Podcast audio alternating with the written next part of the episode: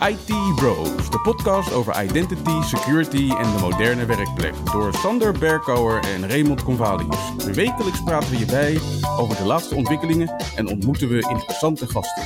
Volg onze podcast op Spotify of iTunes en stel je vragen op Twitter, ITBrosNL. Ik ben Raymond Convalius. En mijn naam is Sander Berkouwer. Welkom bij aflevering 34 van de IT Bros podcast. Met deze week het laatste nieuws met hele mooie aankondigingen, een dikke berg evenementen en uiteraard weer een productiviteitstip voor Ray.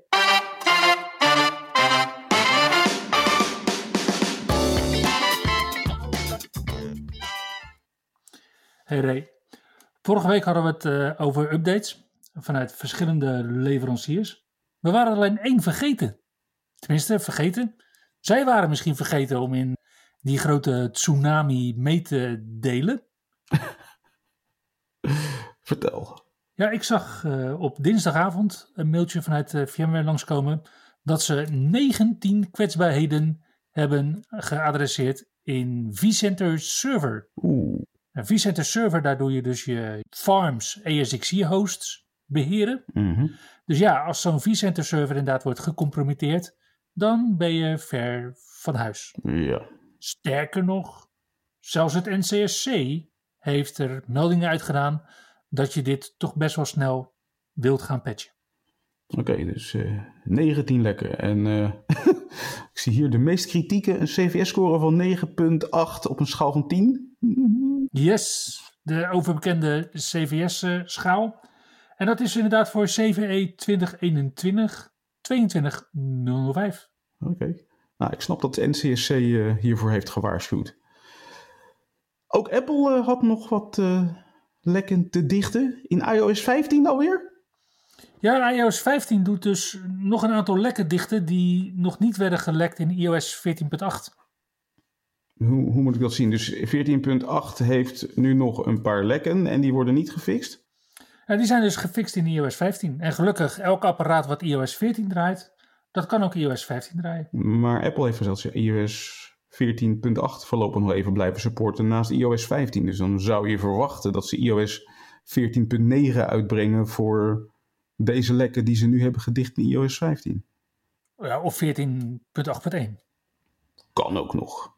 Maar goed, de, er zit dus nog wat aan te komen van Apple. En iOS 15 komt uh, deze week nog uit met uh, de release van de nieuwe iPhones. Ja, ja ik zie hier dat ik uh, de software update voor iOS 15 al kan installeren op mijn iPhone. Spannend. Ja, zou die het houden?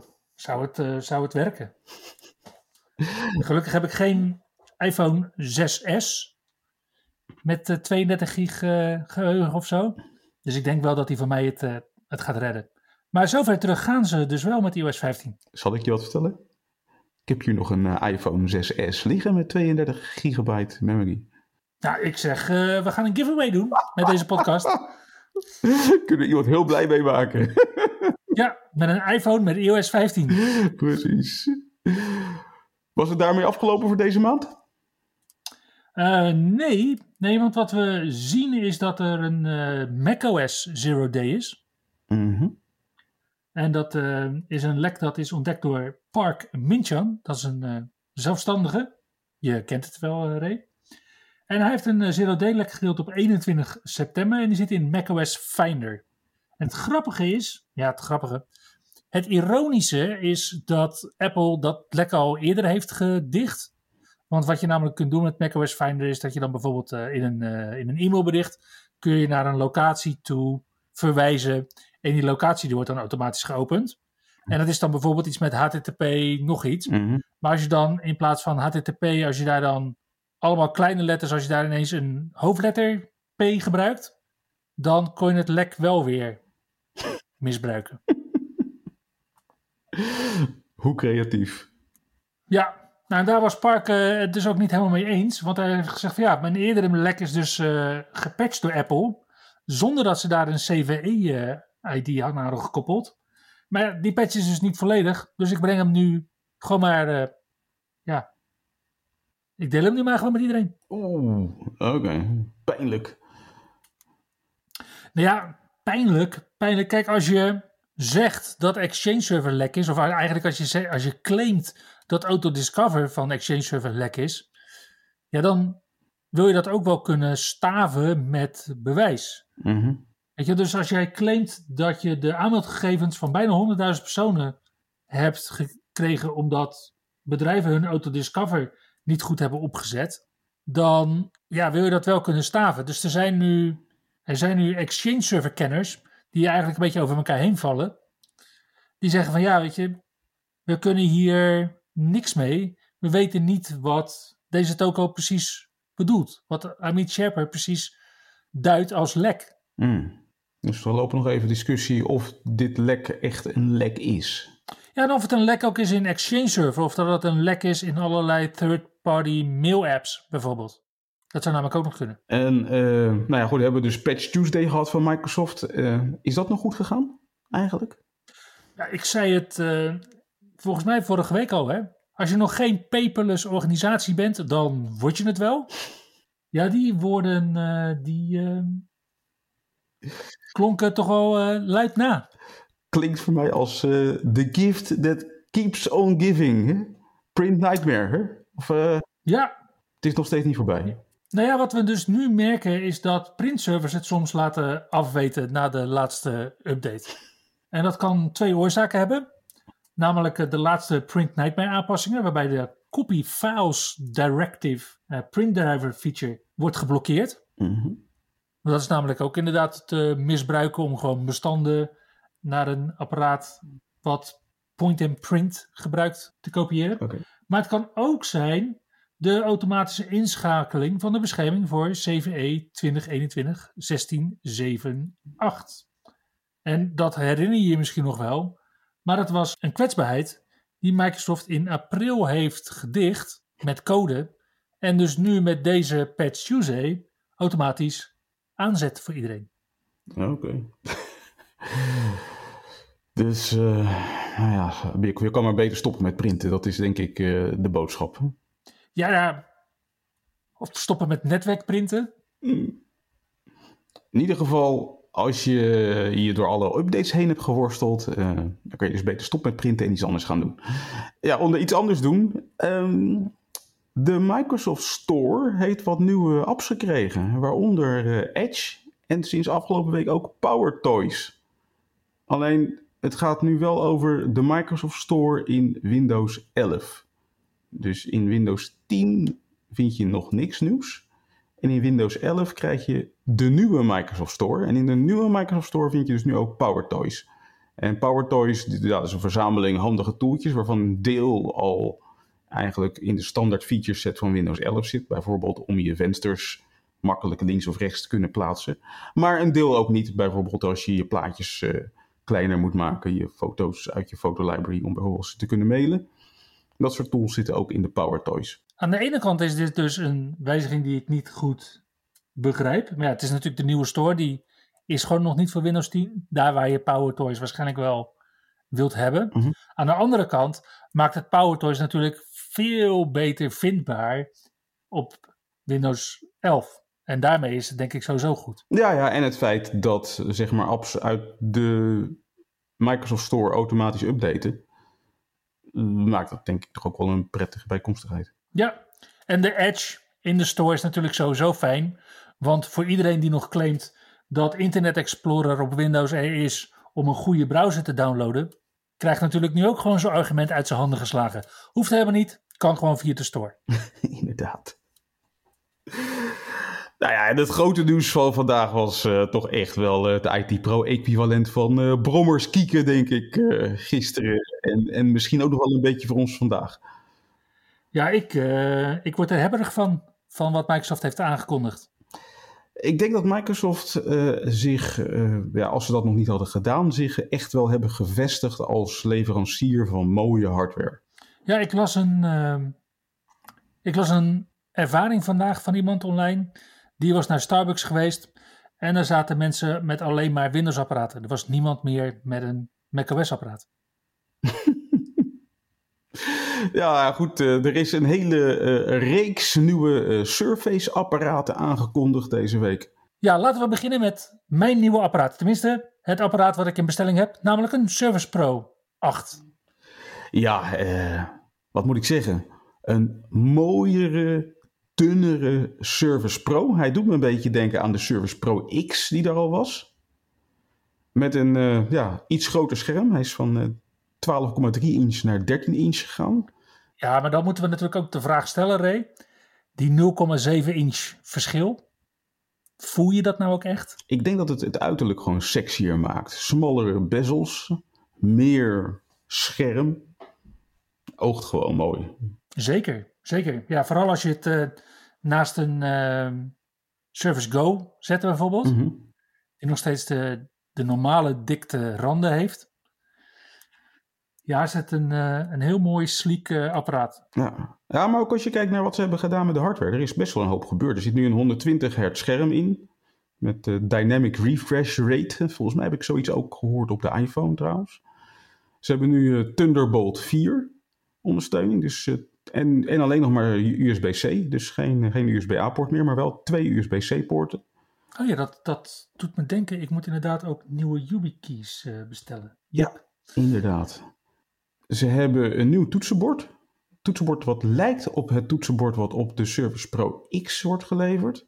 Ja. Waar je dus ook een pen in kan stoppen om op te laden. En dat is een nieuwe Surface pen, namelijk de Surface Slim Pen 2. Het pakt wel lekker. Ja, en dat is een Surface pen die dus niet compatible is met de oudere Surface apparaten, maar wel met alle nieuwe Surface apparaten. Te beginnen dus met de Surface Pro 8. En die pen die, uh, ja, die kan dus laden in dat toetsenbord.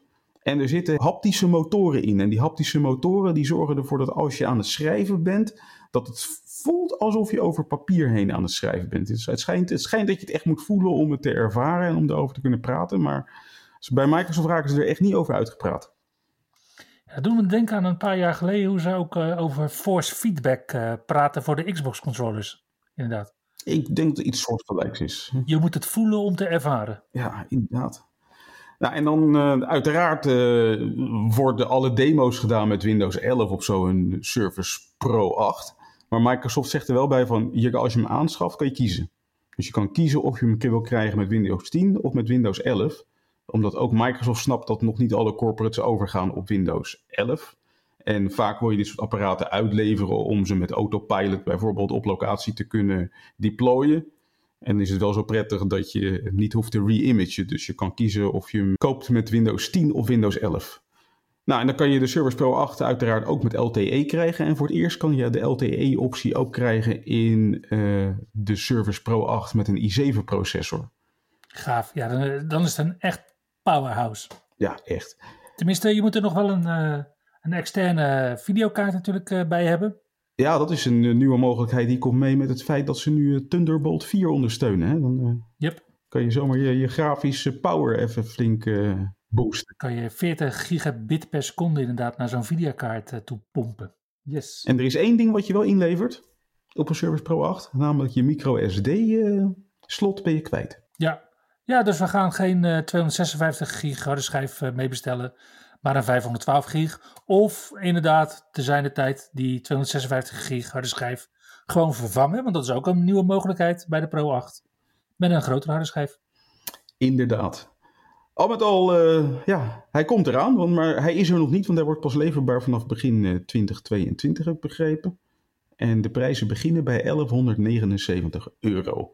En daar moet dan nog een toetsenbord bij en waarschijnlijk ook nog een pen. Dus uh, begin alvast te sparen, ja. zou ik zeggen. Ja, en het is daarmee net niet het goedkoopste apparaat wat Microsoft introduceert. dat is namelijk de Surface Go 3. En waar we vorige week zagen dat de iPad mini eigenlijk een uh, mini iPad Air is, blijft de Surface Go 3 eigenlijk een beetje hetzelfde als de Surface Go 2. In ieder geval qua uiterlijk, qua toetsenborden, geen, geen penopties hier en dat soort frivoliteiten.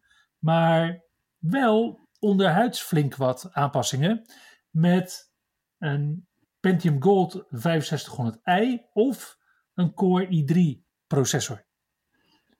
En daarmee is een Surface Go 3 ja, misschien toch wel flink sneller dan een Surface Go 2. Ja, en de prijzen beginnen dit keer vanaf 439 euro zonder toetsenbord. En daarmee was Microsoft nog niet klaar, want ja, één, lang verwacht natuurlijk, de Surface Duo 2, de, de, de telefoon van Microsoft is nu ook officieel aangekondigd. Ja, ja, we hadden het nog maar twee keer eerder over. Ja, nou ja, goed. Een telefoon ook met twee schermen. Twee schermen die allebei 90 hertz ondersteunen. En als je hem openklapt, dan heb je één scherm van 8,3 inch.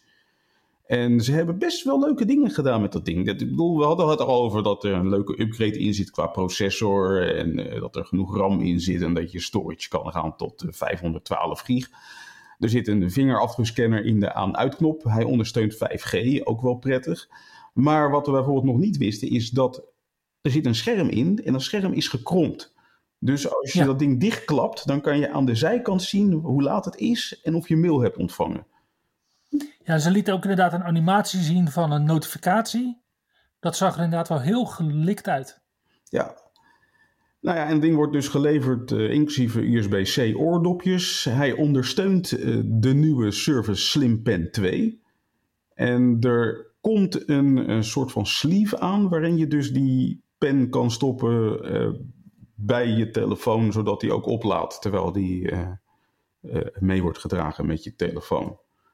Het enige wat er nog echt mist, vind ik aan het apparaat, is dat er geen wireless charging optie in zit. Maar goed, het apparaat uh, gaat vanaf 15 november 1649 euro kosten. En ik denk met wireless charging had het nog meer geworden. dus weet je, laten we, laten we dit dan maar accepteren, denk ik.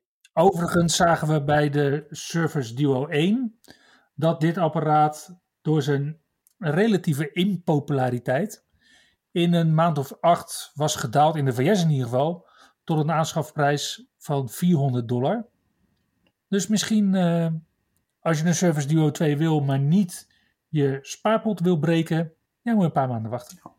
Ik zal nog wel even wachten. Dit, dit is een mooi apparaat. Ik denk dat hij er echt wel op vooruit is gegaan, maar uh, voor mij nog even niet.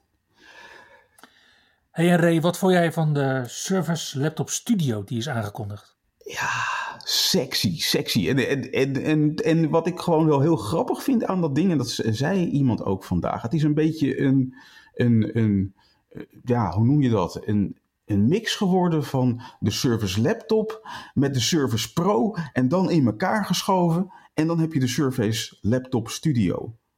Geen detachable scherm meer.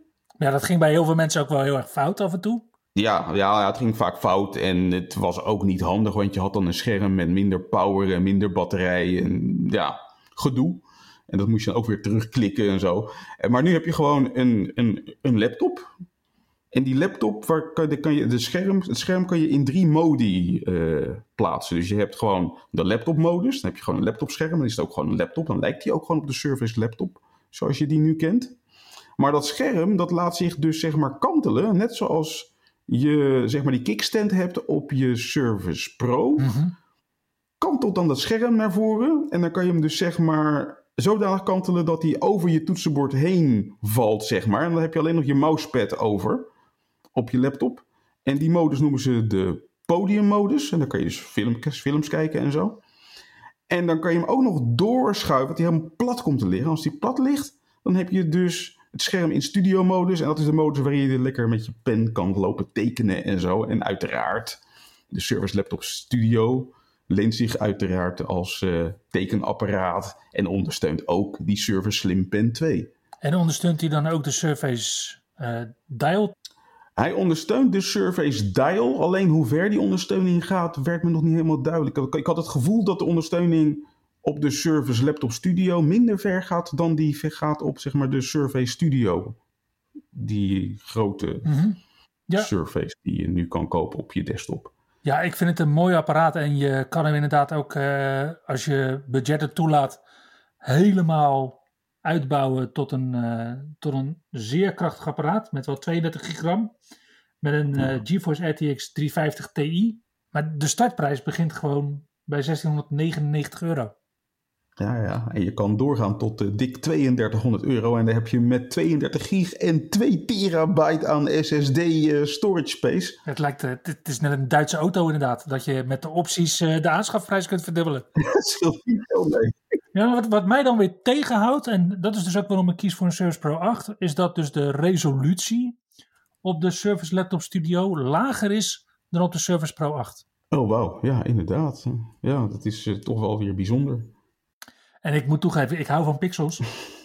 dus ja, dan maar de Surface Pro 8. Ik heb ook nog wel getwijfeld over de Surface Pro X. En ik, ja, weet je, het, het is een beetje een, een, een, een geek-apparaat geweest, hè, die, uh, die Surface Pro X. Mm -hmm. Voor de echte hardcore Windows-liefhebbers, die helemaal met ARM uh, aan de slag wilden gaan.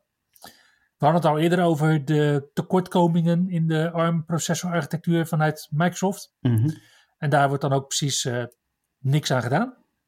Nee. Maar we zien dus nu wel een Surface Pro X met wifi. Het grappige is dus dat ik heel erg hard moet kijken om de verschillen te zien tussen een Surface Pro 8 en een Surface Pro X. Ja, ik denk dat de Surface Pro X wat dat betreft een soort van uh, vingeroefening is geweest voor het uiterlijk van de Surface Pro. En je zegt er wordt niks aan gedaan aan de tekortkomingen van de ARM-processor ze doen wel iets. Ik bedoel, er is natuurlijk nu Windows on ARM en die schijnt beter te worden. En er wordt gewerkt trouwens aan 64-bit ondersteuning van Windows on ARM. En ze hebben nu wel, schijnt het, een Teams client die gewoon native voor ARM is geschreven. Dus die schijnt het echt heel erg goed te ja, doen. ik hoorde dat ook, dat de Teams client op Windows on ARM niet zuigt. Nee, hij schijnt het echt heel goed te doen. Maar ja, de elephant in the room is natuurlijk uh, Apple met zijn M1-processor. Ja. Waar Microsoft eigenlijk geen goed alternatief tegenover kan zetten op dit moment. Microsoft doet andere dingen wel weer heel goed.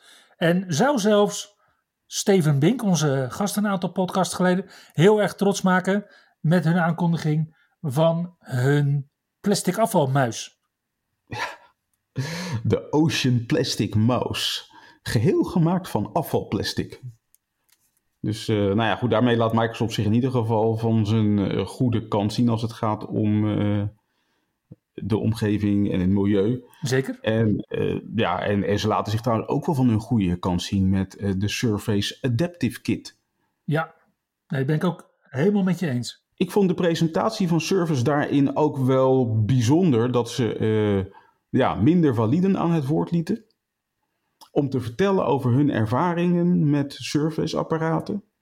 En hoe het hun leven, zeg maar, verrijkte, omdat ze een aantal dingen kunnen doen nu met Surface-apparatuur die ze vroeger niet konden.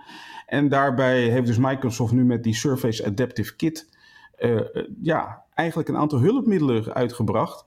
Speciaal voor de Surface, zodat als je blind bent of minder valide, of je kan je handen of je benen of whatever minder goed gebruiken, dat je het alsnog goed met die apparatuur overweg kan en het makkelijk kan gebruiken zonder dat je je moet wenden tot hele vreemde hulpstukken, als bijvoorbeeld een vork om je kickstand uh, open te zetten van je Surface Pro. Want dat zijn dingen die dus gebeurden. Ja, ja, die Surface Adaptive Kit is dus eigenlijk een, een verzameling van hulpmiddelen met onder andere stickers en andere hulpmiddeltjes die ervoor zorgen dat je de poorten en andere knop, bepaalde knoppen op je apparaat makkelijker kan vinden als je ze anders niet goed kan vinden of gebruiken. Ja, en dat zorgt er dus ook voor dat ik ook inderdaad het gevoel krijg dat die hele slogan, dat je empower everybody on the planet, ook inderdaad everybody betekent. Mm -hmm.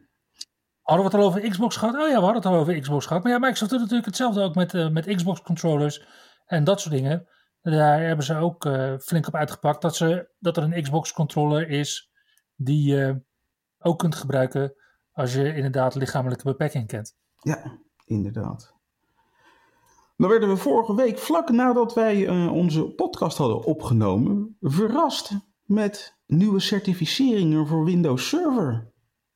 Blij verrast, kan ik eigenlijk wel zeggen. Absoluut.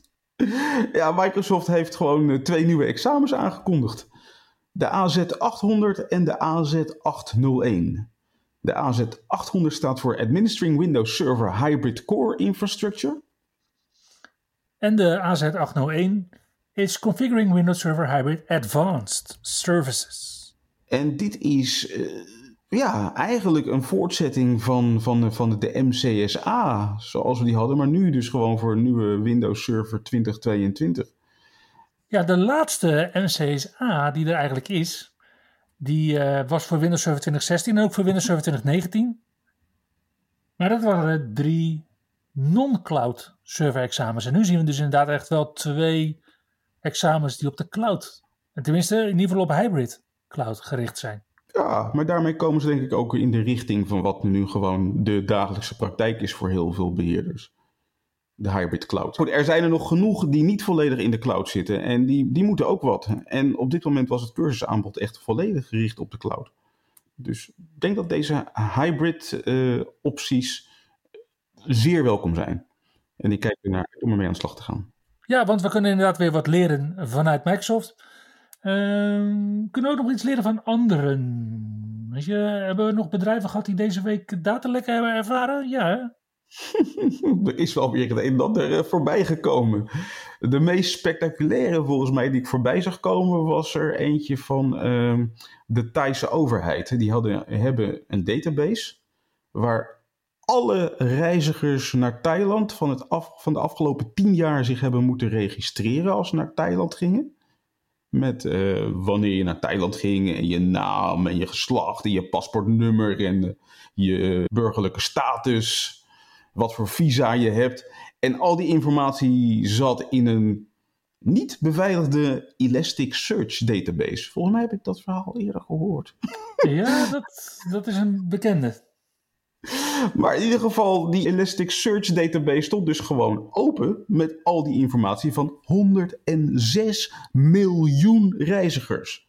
Dus als je de afgelopen 10 jaar naar Thailand bent geweest, liggen je gegevens waarschijnlijk op straat.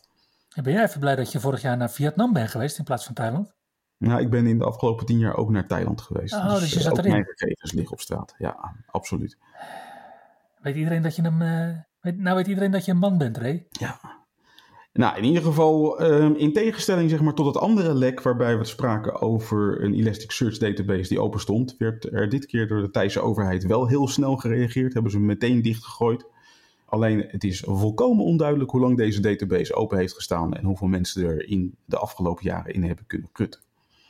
Een ander grote datalek uh, is ook wel eentje die uh, de tongen heeft losgemaakt onder de security-deskundigen. Namelijk het bedrijf Epic beschikte over een database met meer dan 15 miljoen records.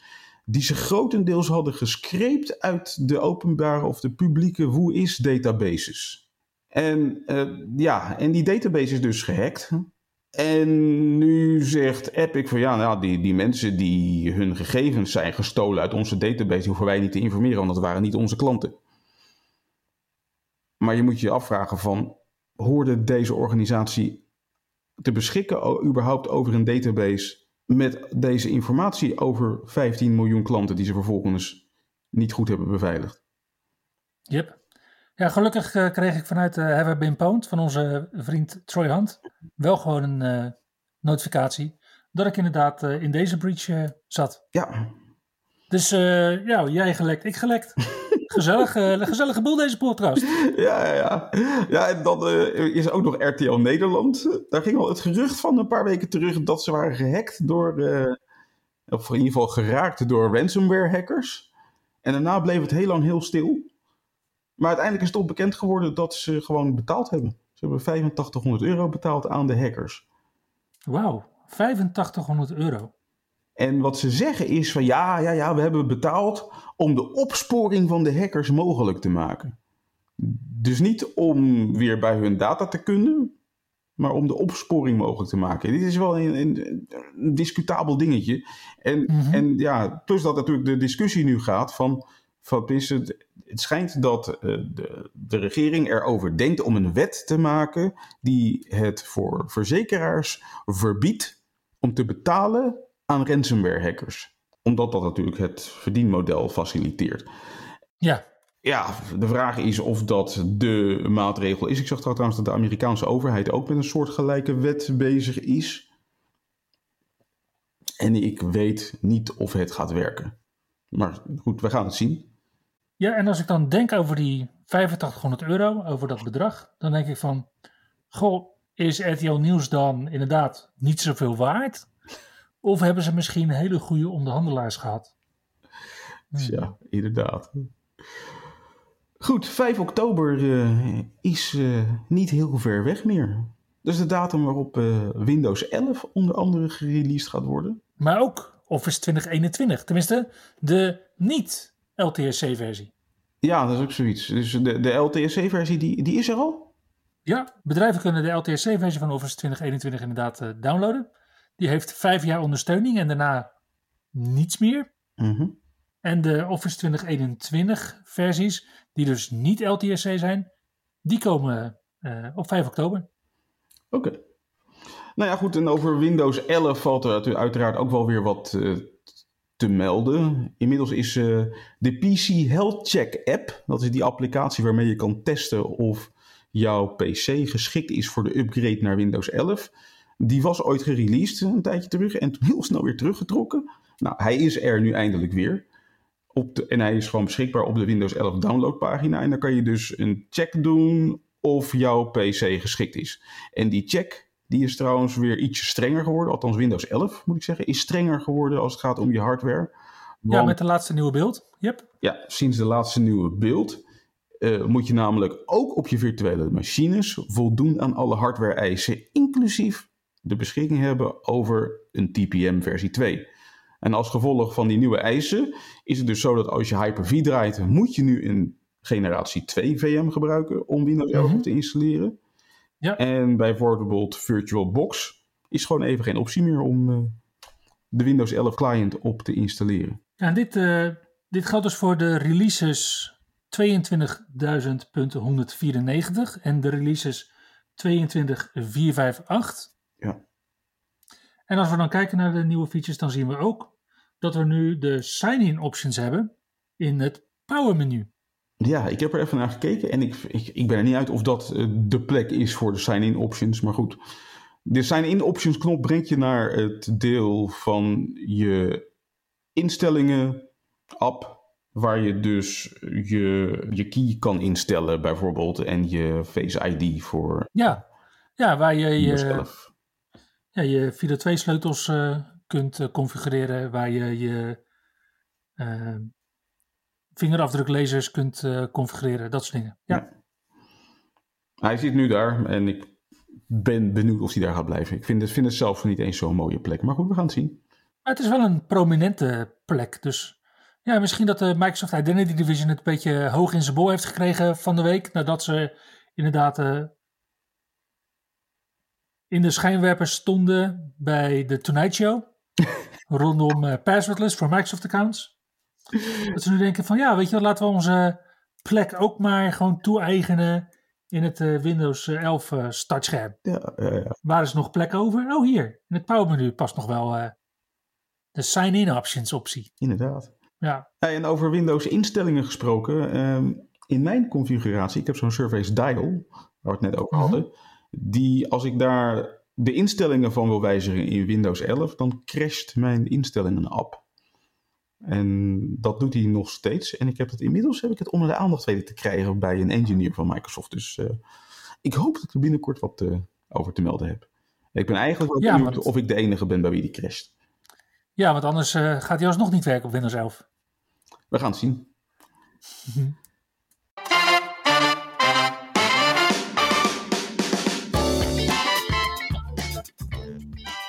Ja, als je tijd over hebt, dan kun je altijd nog naar een evenement gaan.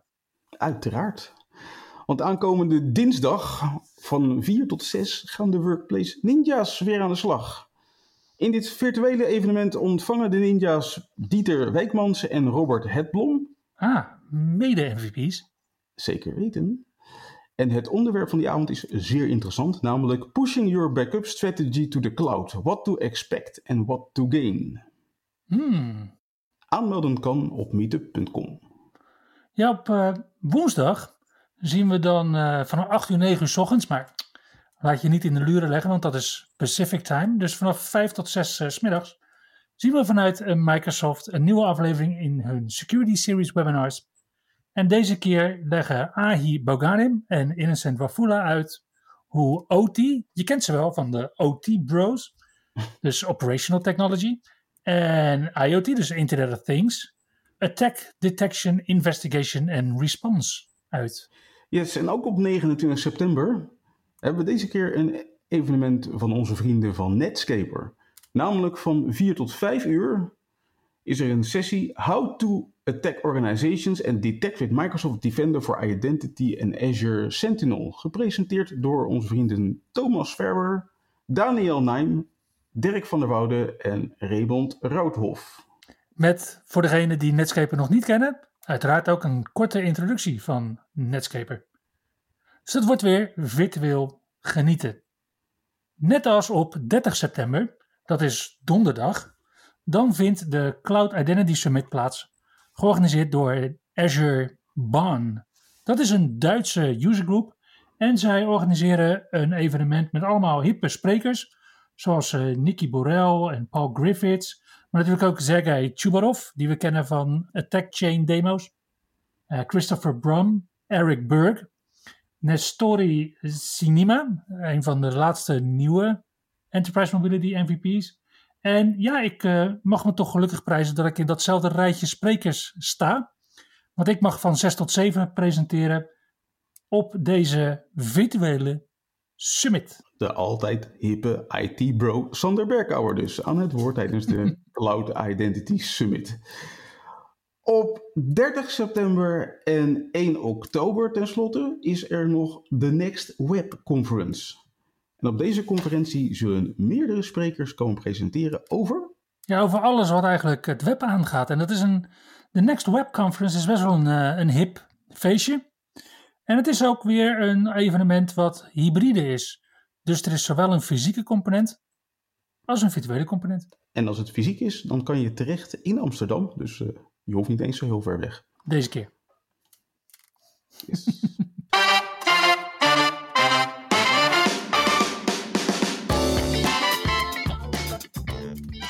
hey Ray, wij praten eigenlijk veel te veel. Hè? We delen geheime hotelkamers en allerlei andere dingen die we eigenlijk helemaal niet op deze podcast gaan delen. Dus dat doen we dan ook niet.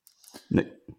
Maar een van de, de grote irritaties die we wel vaker delen is het niet kunnen plakken van wachtwoorden. Ja, dat is zo'n uh, quote-quote beveiligingsmaatregel die ze op sommige websites treffen. Dat je je wachtwoord niet kan plakken. Nou ja, het beveiligingsaspect zeg maar, van die maatregel ontgaat mij nog steeds. Maar er schijnt een workaround te zijn in sommige gevallen waarbij plakken niet lukt. Namelijk, ik plak altijd met Ctrl-V. Ik weet niet of dat voor jou ook zo is, uh, Sander. Ja, Windows V ook wel. Oké, ja, Windows V voor uh, clipboard history. Mhm. Maar zeg maar, ja, het, het blokkeren van Ctrl-V gebeurt dus vaak door de toetscombinatie tegen te houden. En laat er nou een alternatieve toetscombinatie zijn, namelijk Shift-Insert. En Shift-Insert is in heel veel gevallen wel in staat om de plakoperatie uit te voeren die voor Ctrl-V is geblokkeerd. Hmm. Nou, die ga ik uh, weer eens een paar keer proberen dan. Als ik daar weer tegenaan loop. Ga ik binnenkort ook eens proberen. Als we dan toch oldschool bezig zijn. Ctrl-Insert is uh, copy. Dus uh, kan ook nog. Oké, ik heb een aantal van die shirts met Ctrl-C en dan zeg maar zo'n babypakje Ctrl-V. Ik, uh, ik denk dat ik die ga vervangen met uh, Ctrl-Insert en Shift-Insert. Inderdaad.